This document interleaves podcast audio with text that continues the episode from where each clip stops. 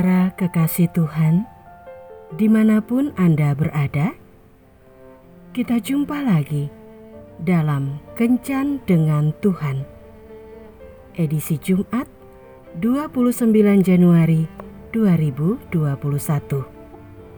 Dalam Kencan kita kali ini, kita akan merenungkan bacaan dari Injil Yohanes bab 15 ayat 5 Akulah pokok anggur dan kamulah ranting-rantingnya.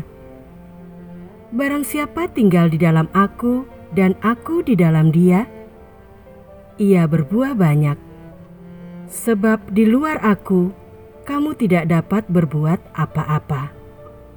Kalau kita perhatikan pohon-pohon yang ada di sekitar kita, ternyata memiliki berbagai macam bentuk dan jenis pada umumnya, pohon memiliki kekuatan dan fungsi yang berbeda-beda. Bagian yang tidak kelihatan dari pohon adalah akar, yang biasanya terbenam di dalam tanah.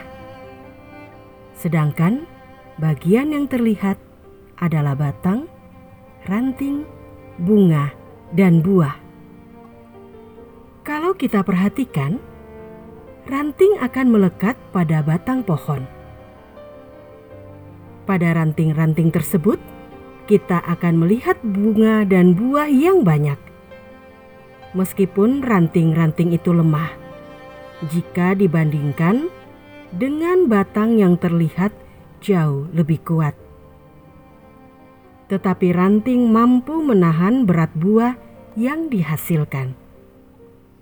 Yesus berkata, bahwa dialah pokok anggur dan kitalah ranting-rantingnya. Pada sebuah pohon, ranting adalah tempat gantungan untuk buah dan juga tempat di mana buah dihasilkan. Pokok anggur itu kuat, sedangkan ranting itu lemah. Tetapi meskipun lemah, ranting tetaplah tempat buah dihasilkan. Untuk dapat menghasilkan buah, ranting harus melekat pada pokok anggur. Ketika ranting terpisah dari pokok anggur, ranting tidak dapat berbuat apa-apa. Sebagai ranting, yang perlu kita perhatikan adalah di mana kita melekat kita harus melekat pada tempat yang benar.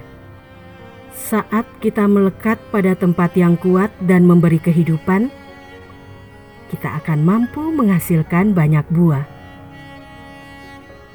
Saat kita melekat pada dunia, kita akan menghasilkan buah dari kedagingan kita.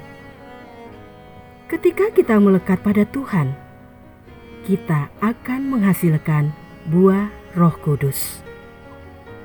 Tetapi sebaliknya, saat kita terpisah dari Tuhan, kita akan mati dan tidak bisa menghasilkan apa-apa.